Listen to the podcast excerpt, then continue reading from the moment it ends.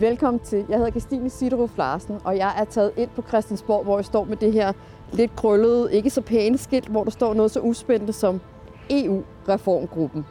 Men bag det her ord gemmer sig faktisk noget rigtig vigtigt, fordi det omhandler Danmark, og det omhandler demokratiet i Danmark. Og Christian, ja, det ved du noget om. Ja, om EU, det, det må man jo sige. Det gør jeg, ja. Lige præcis. Så jeg har allieret mig med dig, fordi vi skal dykke lidt ned i det her EU-reformgruppen, og hvad ja. det egentlig omhandler. Spændende. Men først, øh, først og fremmest skal vi ikke lige gå ind for, fordi det er lidt køligt herude. Det synes jeg er god idé. Den 2. oktober 1972 stemte et flertal af danskerne ja til dansk medlemskab af EF. Tre måneder senere, den 1. januar 1973, blev Danmark officielt medlem af de europæiske fællesskaber, EF, eller den europæiske union, EU, som det europæiske samarbejde kaldes i dag. En gang om ugen, året rundt, mødes Europaudvalgets medlemmer og diskuterer sager, som er på dagsordenen i EU. Det kan gælde alt fra luftforurening til dyrevelfærd og miljøspørgsmål. Siden 1973 er mængden og kompleksiteten af de EU-sager, der behandles i Folketinget, vokset betydeligt. Til trods for dette har Folketingets behandling og kontrol med EU-sager ikke ændret sig, men foregår stadig efter en samme model, som blev fastlagt for godt 50 år siden. Derfor har Folketingets Europaudvalg i anledning af 50-året for folkeafstemningen om dansk medlemskab nedsat en reformgruppe, der skal efterse den parlamentariske kontrol med EU-politikken i Danmark.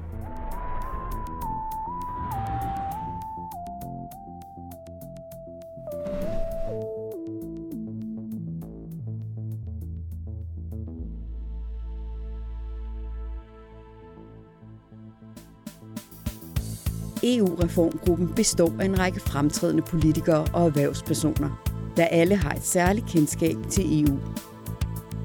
I samarbejde med fagpersoner, interesseorganisationer og partiledere skal de sammen komme med en række anbefalinger til, hvordan EU-sager skal behandles i Folketinget fremover.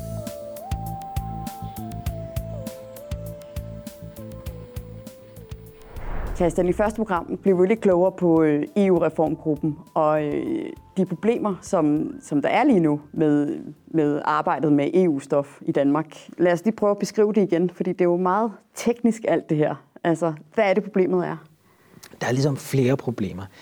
Det største problem ifølge Europaudvalget, det er, at de kommer for sent ind i beslutningsprocessen. Så der kører ligesom et helt arbejde ned i EU med at vedtage ny lovgivning, og der føler Europaudvalget så, at de kommer for sent ind i den proces. Så er der et andet spørgsmål, som handler om, at EU også har indflydelse på utrolig mange områder i dag. Så der er også kræfter i Folketinget, som ønsker, at EU-politikken i højere grad skal ud i fagudvalgene. Altså sådan så, at man ikke kun taler EU's transportpolitik i Europaudvalget, men også i transportudvalget og at man ikke kun taler landbrugspolitik i Europaudvalget, når det handler om EU, men også i øh, det tilsvarende landbrugsudvalg i Folketinget. Det er det, der ligesom er en af de idéer også. Og så er der det her med øh, mandatgivningen. Det handler jo om, at Europaudvalgets rolle er at give regeringen mandat. Altså det her, regeringen skal sikre, at der er opbakning til den politik, de så fører ned i EU i den beslutningsproces. Og der repræsenterer øh, regeringen øh, Danmark øh, i den proces. Og det vil Europaudvalget jo så på en måde gerne have, at de kommer ind tidligere i beslutningsprocessen, så de ikke kun giver mandat, hvor rigtig meget er vedtaget. Okay. Fordi det er også noget, vi, de kan huske, de snakkede lidt om i vores første program. Det er også det her med, at EU-stof jo ikke kun er udenrigsstof, som der er mange, der tror, som der ligesom er sådan en fornemmelse af, men det er faktisk også indrigsstof. Altså, eller indrigspolitik hedder det jo. Ja. ja, det er så en del af diskussionen. Giver det mening at tænke EU-politik alene som udenrigspolitik? Eller er det i virkeligheden også blevet en form for indrigspolitik? Fordi EU har indflydelse på så meget af vores lovgivning og vedrører en så stor del af vores øh, hverdag, at det ikke kan sammenlignes med vores relationer til USA eller Kina. Det at være i EU er en del af det også at være i Danmark. Altså, det er jo ligesom hænger sammen, og EU har indflydelse på Danmark, og derfor så er det øh, ikke en klassisk udenrigspolitik længere, det er også en form for indrigspolitik. Ja, vi snakker jo lidt om lige kort sidste program med det, det her udtryk, det nationale råderum. Og hvad er det egentlig, det betyder? Jamen det dækker over spørgsmålet om, hvilken indflydelse har vi egentlig på den lovgivning, der kommer fra Bruxelles? Altså både i forhold til, har vi egentlig indflydelse på, hvad der bliver vedtaget i Bruxelles, men også hvilken indflydelse vi har på, hvordan det så implementeres. Fordi EU-lovgivningen kan ikke altid en til en oversættes til en dansk eller tysk eller fransk kontekst. Så der er også en spørgsmål om et råderum der til, hvordan man fortolker reglerne. Så det er det, som den diskussion dækker over. Altså, hvor meget indflydelse har vi i Danmark egentlig på de regler, der gælder i Danmark? Altså, vi I, ja, hvor meget er dansk, dansk lovgivning, kan man ligesom sige, og ikke EU, der kommer ind over? Ja, altså sagt sådan lidt... EU-lovgivning er jo også dansk lovgivning, fordi vi er med i EU, så EU-lovgivningen kommer jo til at gælde i Danmark. Så derfor så er spørgsmålet, hvilken indflydelse har vi på den lovgivning, og hvilket råderum har vi også i forhold til, hvordan det implementeres? EU-reformgruppen har jo et møde i dag, hvor der kommer to forskere, som netop har, øh, har lavet noget forskning omkring det her nationale råderum. Hvad tænker du, at, at de vil sige? Øh, det er jo sjovt lige at møde dem. Det bliver rigtig spændende at møde dem, og de har jo skrevet en hel bog om det her spørgsmål for at prøve at afklare, har vi egentlig overhovedet et råderum? Og der når de jo frem til nogle øh, svar, og jeg synes, vi skal lade dem selv fortælle os, hvad de er nået frem til. De to forskere, Karoline Howard Grøn og Jørgen Grønnegård Christensen, har en lang erfaring og viden om EU. Sammen med tre andre eksperter på området har de skrevet bogen Det Nationale Råderum, der udkom i maj 2021. Karoline, I har kigget på, hvordan vi arbejder med EU-politik her i Danmark og skrevet en stor rapport i forbindelse med det her reformarbejde. Kan du prøve at rise op, hvad er I nået frem til? Man kan sige, at den opgave, vi fik af Folketinget da vi gik i gang med at skrive bogen, det var at undersøge, hvordan ser det nationale råderum egentlig ud, når man implementerer EU-lovgivning i Danmark. Og øh, det spiller jo ind i sådan en lang diskussion omkring, øh, hvad er egentlig tilbage i det danske folkestyre, hvad bliver besluttet her på Christiansborg, hvor meget har vi sendt til Bruxelles. Og det øh, vores bog viser, det er, at der er stadigvæk et ret stort og komfortabelt nationalt råderum. Der er faktisk mange måder, hvorpå øh, EU-politikken, når den kommer til Danmark og skal gøres til dansk ret, bliver formet også i, også i det danske folketing. Ja, Jørgen, hvad skal vi forstå ved det her, det nationale råderum? Nogle vil jo tænke, at det dækker over, hvad vi, hvor meget indflydelse vi kan få på EU, men det er ikke det, I mener, vel? Øh, både og, fordi det er da en side af det. Øh, det, det øh, handler om, det er, at man har sådan en meget udbredt forestilling om, at når EU regulerer på et eller andet område, så indebærer det, at medlemslandenes myndigheder og borgere og virksomheder ikke rigtig har nogen bevægelsesfrihed. Men spørgsmålet er jo, om det er rigtigt, og det er vi blevet sat til at undersøge. Og det vi jo så går ind og ser på, det er jo så, at når der er vedtaget et direktiv, eller der er vedtaget en forordning øh, i EU, er det så sådan, at de nationale øh, myndigheder kan supplere med yderligere regler, modificere reglerne, måske bygge dem ud øh, i forskellige henseender, præcisere dem, og det viser sig, at det kan man helt generelt. Og det næste, der viser sig, det er, at det er danske myndigheder også rigtig gode til at gøre. Hvad er så problemet egentlig? Fordi øh, reformgruppen er jo også kommet øh, Øh, til verden for at prøve at løse det her med, at Europaudvalget ikke føler, at de bliver inddraget tidligt nok i lovgivningsprocessen. Men er det så også rigtigt?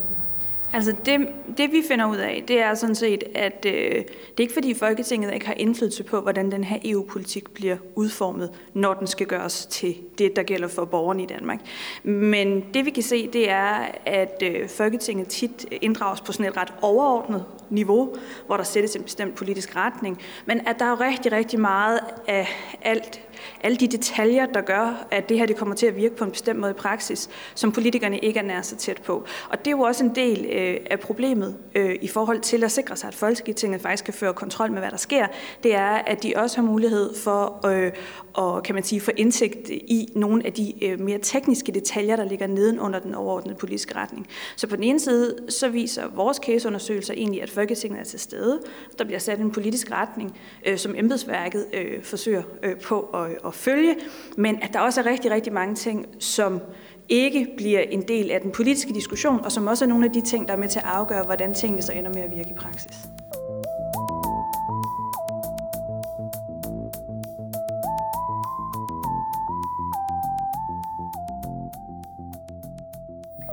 I har så også øh, nogle forslag til, hvad man kunne gøre, Jørgen. Kan du prøve at opsummere? Hvad ja, det kan jeg, øh, fordi problemstillingen er jo i forlængelse af det, Karoline siger, at både Europaudvalget og de stående øh, udvalg i øvrigt, de er frygtelig bela- øh, arbejdsmæssigt belastet, også på EU-området. Og så opstår så spørgsmålet om, jamen, øh, øh, øh, hvordan kan de gerere sig, når de har det der enormt store sagspres. Og øh, der stiller vi en række forslag, men jeg vil nævne to af dem her. Det ene er at gå ind og se på de øh, procedurer, øh, der øh, øh, gælder i forhold til Europaudvalget, som indebærer, at sagerne igen og igen kommer op i Europaudvalget, og det belaster Europaudvalgets øh, arbejde meget. Og der siger vi, at så vidt vi kan vurdere, så er det altså muligt at øh, lette øh, Europaudvalget for nogle af de der øh, store øh, sagsmængder. Og det næste, og det er der nok lidt mere bid i, øh, øh, det er, at øh, vi siger, at i praksis har Europaudvalget i dag ikke rigtig nogen indflydelse på implementeringen af, af EU-reglerne, fordi det sker ved ministerielle bekendtgørelser. Men der kunne man samtidig med, at en minister indhenter et forhandlingsmandat fra Europaudvalget, forpligte ministeren til at fremlægge en plan for, hvordan man i Danmark vil implementere den pågældende øh, EU-regel, forordning eller direktiv, når det er vedtaget i Bruxelles. Karoline, har I nogen idé om, hvad kunne man gøre for at prøve at få, øh, kan man sige, Folketinget inddraget mere bredt i arbejdet med EU-politik? Og er det en vej at gå for? Nogen snakker om, at man skal have fagudvalgene mere på banen. Kunne det være en idé? Jeg tror, øh, i, øh, i de sager, vi har kigget ned i, der er fagudvalgene faktisk allerede på banen. Og den her diskussion øh, har jo kørt i, øh, lige, siden, øh, lige siden jeg begyndte at læse statskundskab, og det er mange år siden, hvordan kunne man øh, engagere fagudvalgene mere i EU-arbejdet. Men jeg synes, hvis vi kigger på de cases, vi har været inde i, så er de faktisk til stede. Øh, de er faktisk også ret langt inde, i hvert fald i nogle af casene, i hvordan man finder en dansk position, og hvordan man håndterer implementeringsarbejdet i Danmark. Så, så jeg tror sådan set allerede, at fagudvalgene er på banen. Det er jo så rigtigt nok, måske kunne man udnytte dem bedre, måske kunne man øh, blive bedre til at tænke EU-politikken som en almindelig politik, for jeg tror jo også noget af det, vi finder ud af i vores bog, det er jo sådan set, at de, mange af de ting, vi påpeger her, dem genfinder man også, hvis man bare kigger på, øh, hvordan vi omsætter rent dansk lovgivning øh, i bekendtgørelser for eksempel. Så, så jeg tror bestemt, at der er øh, nogle ting, man kan overveje her, også i forhold til, hvordan fagudvalgene inddrages og hvornår de inddrages. Men det er jo samtidig også tydeligt fra vores arbejde, at de bliver også inddraget i dag, øh, og de spiller også en rolle i, kan man sige, øh, i der, hvor der er sådan nogle mere, øh, mere tekniske eller fagfaglige spørgsmål, som man skal håndtere. Både, både tekniske, men også kan man sige, de politisk kritiske faser, der er der faktisk et systematisk samarbejde mellem Europaudvalget og øh, øh, fagudvalgene. Øh, det, det kan vi konstatere. Ja. Noget af det her handler jo også om, at der i Folketinget er en følelse af, at man skal stemme ja til noget, man ikke har haft indflydelse på, og ofte måske også noget, som man ikke helt forstår til bunds. Det er meget kompliceret stof. Er der et demokratisk problem også i den måde, Ja, det, det, det er der jo på den måde, det kommer fra det, øh, vi var inde på tidligere, at Folketinget kommer ind meget overordnet. Det er der måske ikke så meget at gøre ved, men Folketinget er jo så samtidig utrolig presset af sags- og papirmængden, og det er jo der, man på en eller anden måde skal sætte ind, så man både får begrænset den, og så får valgt de ting ud, hvor det er væsentligt, at den parlamentariske kontrol sætter ind. Det er vel også sådan, at Danmark kan vel ikke stemme nej og så få sin vilje. Altså, vi er jo trods alt bundet af, at vi er sammen med 26 andre lande. Det er jo fuldstændig rigtigt, men det er jo et problem, der ligger et lidt andet sted. Øh, for det er jo klart nok, at øh, man kan jo man kan sige, det, det man gør i Folketinget, det er, at man giver et forhandlingsmandat som så gør, at den danske regering kan tage til Bruxelles øh, og forhandle inden for en eller anden given ramme. Og jeg tror ikke, der er nogen i øh, Folketinget, der tror, at øh, det er det, der så determinerer, hvad forhandlingsudfaldet bliver i øh, forhandlinger i ministerrådet i EU. Men, men det er jo selvfølgelig rigtigt nok, at der er jo en mere generel diskussion, der handler om, hvor tidligt skal man give et mandat. Hvis man giver et mandat meget tidligt, så risikerer man også, at forhandlingsprocessen når at flytte sig meget. Øh, hvis man giver et mandat, når man er meget tæt på, øh, at forhandlingsudfaldet ligger der, så man kan give et mere præcist mandat, så har man det problem, at man Folketinget ikke har haft indflydelse på, hvordan den danske position så har været igennem forhandlingsforløbet. Og det er jo også derfor, at noget af det, vi beskriver i bogen, det er jo i virkeligheden også det med at finde ud af, hvordan kommer man egentlig ind så tidligt, at man kan være med til at påvirke, hvad den danske position, også i de tidlige forhandlingsforløb, som vi ved er helt utrolig vigtige, øh, men samtidig også har blikket for til slut i processen, når vi når derhen, hvor det faktisk skal omsættes til dansk retspraksis, at Folketinget også skal på banen i forhold til, hvordan det så ender med at se ud for øh, herre fru Jensen.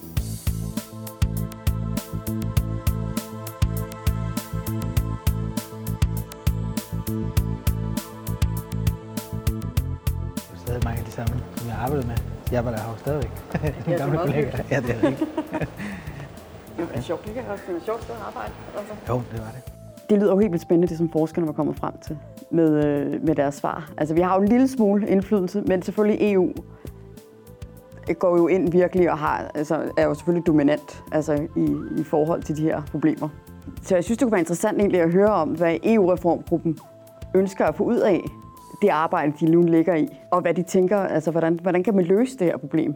Det er enormt interessant, øh, hvad man når frem til, fordi det er selvfølgelig en utrolig kompleks problemstilling. Og det er ikke sådan, at man lige kan pege på nogle nemme løsninger. Og sandheden er jo også, at det her har man på sin vis diskuteret i overvis i Folketinget, og har prøvet forskellige ting. Det er også bare svært at få det til at lykkes, og det er jo meget spændende, hvad man så er nået frem til nu, i forhold til, hvad vi skal gøre fremadrettet. Det synes jeg er jo helt vildt spændende. Lad os prøve at høre, hvad EU-reformsgruppens medlemmer siger til det her. Nu kan du jo ikke sige, hvad I når frem til nu. I er ikke færdige med arbejdet. Men hvis du ser 5-10 år frem, hvad er så dit ønskescenarie? Altså, jeg håber, at øh, jeg håber, at alle partier og folketingsmedlemmer øh, er øh, endnu dybere engageret i det her. Øh, og, og det er ikke bare en beslutningsproces og noget formal, formalia beslutninger og strukturelt. Nej, men også, at man i virkeligheden har måske en lidt større vision for, hvad man vil med det europæiske. Øh, der er meget ofte, det er jo meget ofte sådan i Danmark, at, at vi øh, er reaktive øh, på europapolitikken. Ikke? Og vi kan altid få øje på noget, der er noget skidt. Altså, det er nok nogen, der vil gøre os det ondt. Det er sjældent sådan, det hænger sammen, men, men sådan bliver det ofte præsenteret i debatten. At vi i virkeligheden kommer foran og være proaktive og sige, okay, hvad vil vi i Danmark? Hvad vil vi i Danmark? Hvad er godt for, hvad skal vi sige, det, der skal foregå inden for, for landets grænser? Men hvad vil vi som land i forhold til den europæiske udvikling? Og, og der er vi jo henne inden noget lander som forslag, øh, som i den sidste ende kommer tilbage til Folketinget. Altså, hvad er vores vision for det europæiske? Øhm, og der tror jeg på, at øh, hvis man øh, har nogle klare visioner for, hvad man vil, jamen, så kan man jo også påvirke. Altså, Danmark er jo ekspert i det der med at finde praktiske løsninger. Ikke? Altså, vi er det der lille land, ikke? og vi kan få tingene til at fungere. Ikke? Og vi kan godt have store politiske tværgående debatter og være uenige, men i sidste ende er vi jo sindssygt gode til at nå hinanden øh, i brede flertal til at, at, at nå et eller andet, øh, fordi vi er konkrete. Og det tror jeg også godt, at man kan være øh, i forhold til den europæiske politik. Du peger selv på det. Der er ikke så mange ledende politikere tilbage i Europaudvalget. Det er blevet lidt lavstatus, kunne man måske sige lidt groft. Hvorfor er det endt sådan, og hvad kan man gøre for at lave det om? Ja, det ved jeg ikke. Altså, jeg kan jo huske tilbage fra i 80'erne, der var det, det var næsten det fineste. Altså, udenrigspolitisk nævn var lige over det, men ellers var det meget, meget fint at komme i markedsudvalget, som, som det hed dengang. Jeg tror altså også, det har noget med arbejdsbyrden at gøre, at der er enorme mængder af papir. Det har måske heller ikke hjulpet, at mange af møderne så lå der fredag, øh, sådan fra middag og, og, og frem, fordi folk har mange andre opgaver, de skal passe rundt omkring i landet. Øh, det har man jo så ændret lidt ved at prøve at flytte mødedag og sådan noget. Men jeg forstår helt partilederne, og det gælder jo sådan set dem alle sammen. De har afsindigt travlt med mange ting, og derfor handler det jo ikke kun om at finde ud af, øh, hvordan kan man give endnu flere byrde til Folketinget. Det handler jo også om, hvordan kan man servicere Folketinget bedre her, og måske også have en mere strategisk tilgang til, hvilke sager har så særlig betydning for Danmark. Fordi lige nu, så er der måske lidt en tendens til, at et mandat er et mandat er et mandat, altså uanset lidt om, om sagen nu er stor eller lille. Øh, og der kommer vi også med nogle bud på, hvordan man måske kunne fokusere den danske EU-debat i Folketinget lidt mere. Og vi kommer også med forslag til, hvordan man kunne sikre, at det også bliver det, man i Tyskland vil kalde chefsache, altså det også er partiledernes anlæggende, at man ligesom, vi kommer med nogle bud på, hvordan de kunne, så at sige, i hvert fald en gang om året blive tvunget til at forholde sig til EU-dagsordenen.